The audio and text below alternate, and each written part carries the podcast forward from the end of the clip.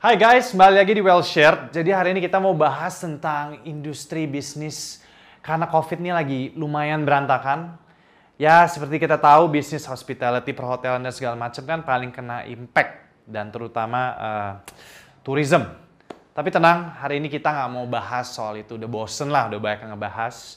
Jadi gua tuh cuma sekarang ini lagi penasaran, lo sadar gak sih ada industri yang sangat besar sekali di Indonesia, tapi mungkin kita suka lupa itu apa. Kos-kosan kalau kalian aware itu tulang punggung ekonomi Indonesia. Kenapa demikian? It's been a billion dollar business for all these years, tapi nggak ada yang aware. Seperti apa sih keadaan bisnis kos-kosan terutama dalam COVID ini?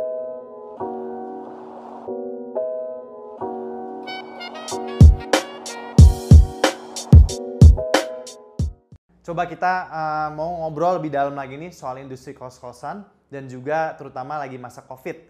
Gue akhirnya mengundang CEO dan co-founder dari Rumi, Glenn Ramersan. Mungkin kalau belum tahu Rumi itu apa, Rumi adalah sebuah operator profesional kos-kosan di Indonesia yang paling besar. Sekarang mereka sudah manage ratusan jumlahnya. Kalau kita sih sebenarnya sebutnya kita the first and the largest virtual cost operator ya, kita udah cukup lama sih, kita udah tiga tahun ya. I'm sure kalian nggak punya capex ya, kalian nggak bangun, kalian nggak renovasi, nggak ya. Jadi kalian uh, manage kos-kosan yang udah jalan, tapi kalian ya, manage lebih baik atau ya di-improve dikit lah gitu ya. Kita offer end-to-end service sebenarnya uh, untuk memanage rumah kos on a daily basis. Mm -hmm. Sorry, on a day, oh, okay, on a daily basis. Jadi kemarin kalau gue, I expect the challenge was a lot of this kos-kosan tuh, uh, ya mereka nggak professionally manage lah ya bro ya, dan banyak konser kecil. Tapi kalau dari dengan adanya kalian ini, kira-kira improvement apa sih yang berasa buat mereka? You know, of course, other than revenue, I'm sure they get more revenue managed by you lah ya. Standardization itu paling penting ya. Uh, hmm. Number one adalah customer service, training, standard of uh, procedures itu hmm. something yang usually most landlord is not accustomed in doing that. Gue pernah ngobrol sama landlord gitu kayak, let's say misalnya mereka sebulan dapat 20 juta tanpa di manage. Hmm. And then kalau di manage mungkin bersih bersih mereka lumayan turun ya, mungkin jatuhnya let's say 15 juta atau 10 juta contoh gitu kan, kan lumayan buat mereka. And I feel like yang namanya mereka udah jalanin sendiri, mereka di manage orang, pasti mereka ada OPEX naik dong dan ada pengurangan. Nah hmm. itu sebenarnya terjadi nggak sih dalam uh, bisnis ini dari sudut pandang mereka? There is one thing that we provide for them. Um, yang paling penting itu adalah uh, stability and peace of mind. Ya. Okay. Jadi kebanyakan landlord itu mungkin mereka patokin dalam sebulan. Dia bilang, waduh, bulan ini building kita 90% occupancy nih, it's very hmm. good. Tapi most of them, apalagi yang baru, mereka lupa gitu. Hmm. Misalnya pas libur lebaran atau pas akhir tahun okupansi pasti turun atau hmm. misalnya uh, pas sekolahan libur mereka turun. That is where we come in.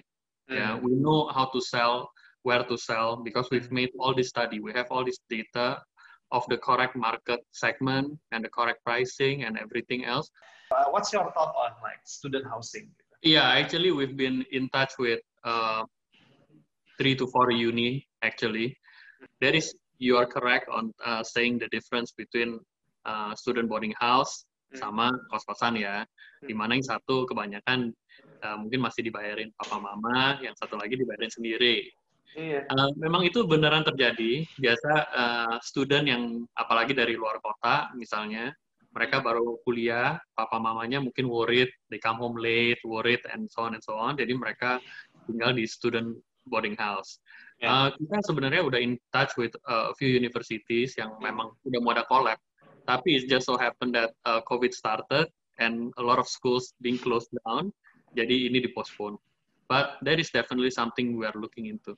But you know, other than school, kira-kira apa sih bro yang menarik yang mungkin kalian mau expand in the future ya? Kan, you know, like other course kan, uh, student housing, what else kira-kira ya?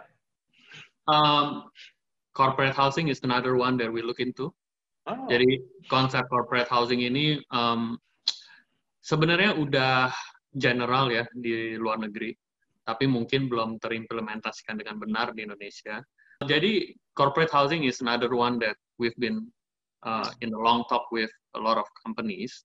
Hmm. Uh, corporate housing itu udah uh, general ya di luar negeri ya, tapi mungkin belum pernah diimplementkan di Indonesia.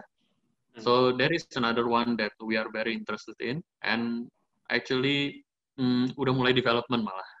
But you know, like I think these ideas, yeah, student housing, corporate housing, and everything, it's it's it's brilliant.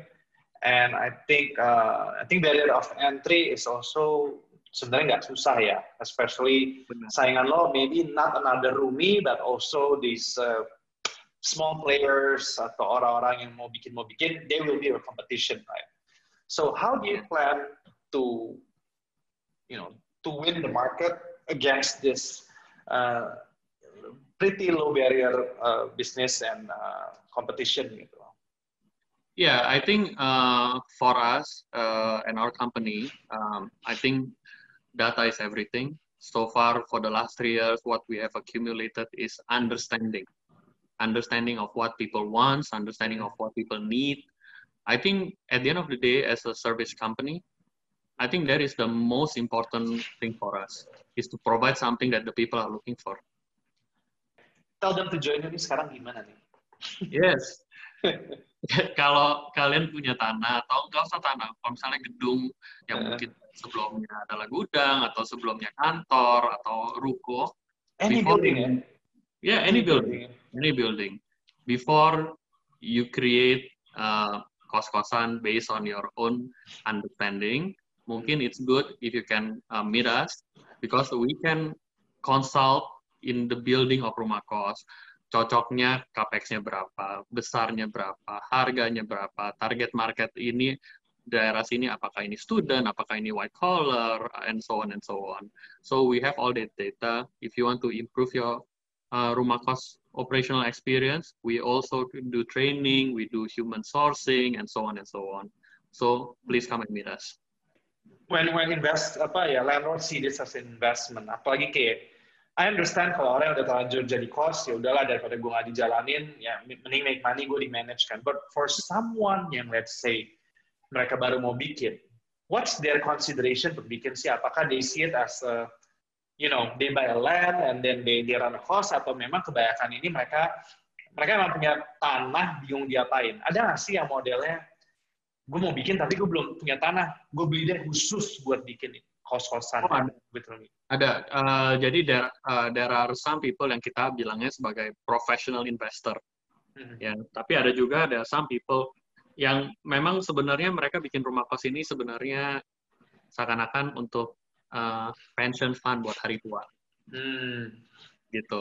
Ada juga yang profesional in the center, mereka sewa tanahnya long term, terus mereka hmm. bikin kosannya, uh, and pas mereka bangun kosannya, mereka konsult dulu ke kita, ini bagaimana nih BP-nya berapa lama dan lain-lain hmm. seperti itu. Ada juga. Oke, okay. jadi kalau misalkan mereka itu mau apa ya bahasanya ya, kayak kalian tuh recommendednya kayak sesuatu yang tidak banyak merubah lah. Because you want to focus on that first. Yes. because it's easier for you easier for the landlord. So in terms of in general business when you want to tap into certain market you just focus the one yang mungkin ya sudut pandangnya adalah the market is big but also easily attainable buat the business itself lah ya. Yes, I think that's what's your what, what's you're looking at kan yes of course. Yeah, okay. yeah it's it, I, I guess it's been working well for you And, ya, mungkin ini ya yang yang audiens kita di rumah bisa uh, ikutin ya karena I've seen a lot of founders yang kayak gue mau tap ini, gue mau tap itu, gue mau tap apa, ujung-ujungnya like they're not winning in anything, terus akhirnya kayak makin gak jelas gitu kan. Yeah. So I, I guess you know I think you agree that uh, all entrepreneurs should just find that uh, apa namanya that that holy grail ya yang mereka harus tap and focus on. Think everyone should focus on doing what they are good at. Do what you like and do what you're good at. Mm-hmm. Itu yang paling penting. And mm-hmm. before you start anything, doesn't matter mau itu startup baru atau a new career, mm-hmm. do your study, do your market research properly. Mm-hmm. I think that is the most important thing. Yang sometimes people think I can study it next time when I was I'm doing something, but by that time you've already made too many mistakes. Mm-hmm. So yang paling penting you listen and you try. I think that's very important in the startup industry. So I've seen a lot of people have wonderful plan, wonderful business plan, execution strategy, monetization strategy, but they fail to listen to the market, what the market wants and what the market needs. Uh, I think every market and every uh, startup faces different uh, problems, yeah, different mm-hmm. problems. And I think as a founder, it's your job to find a solution for that problem.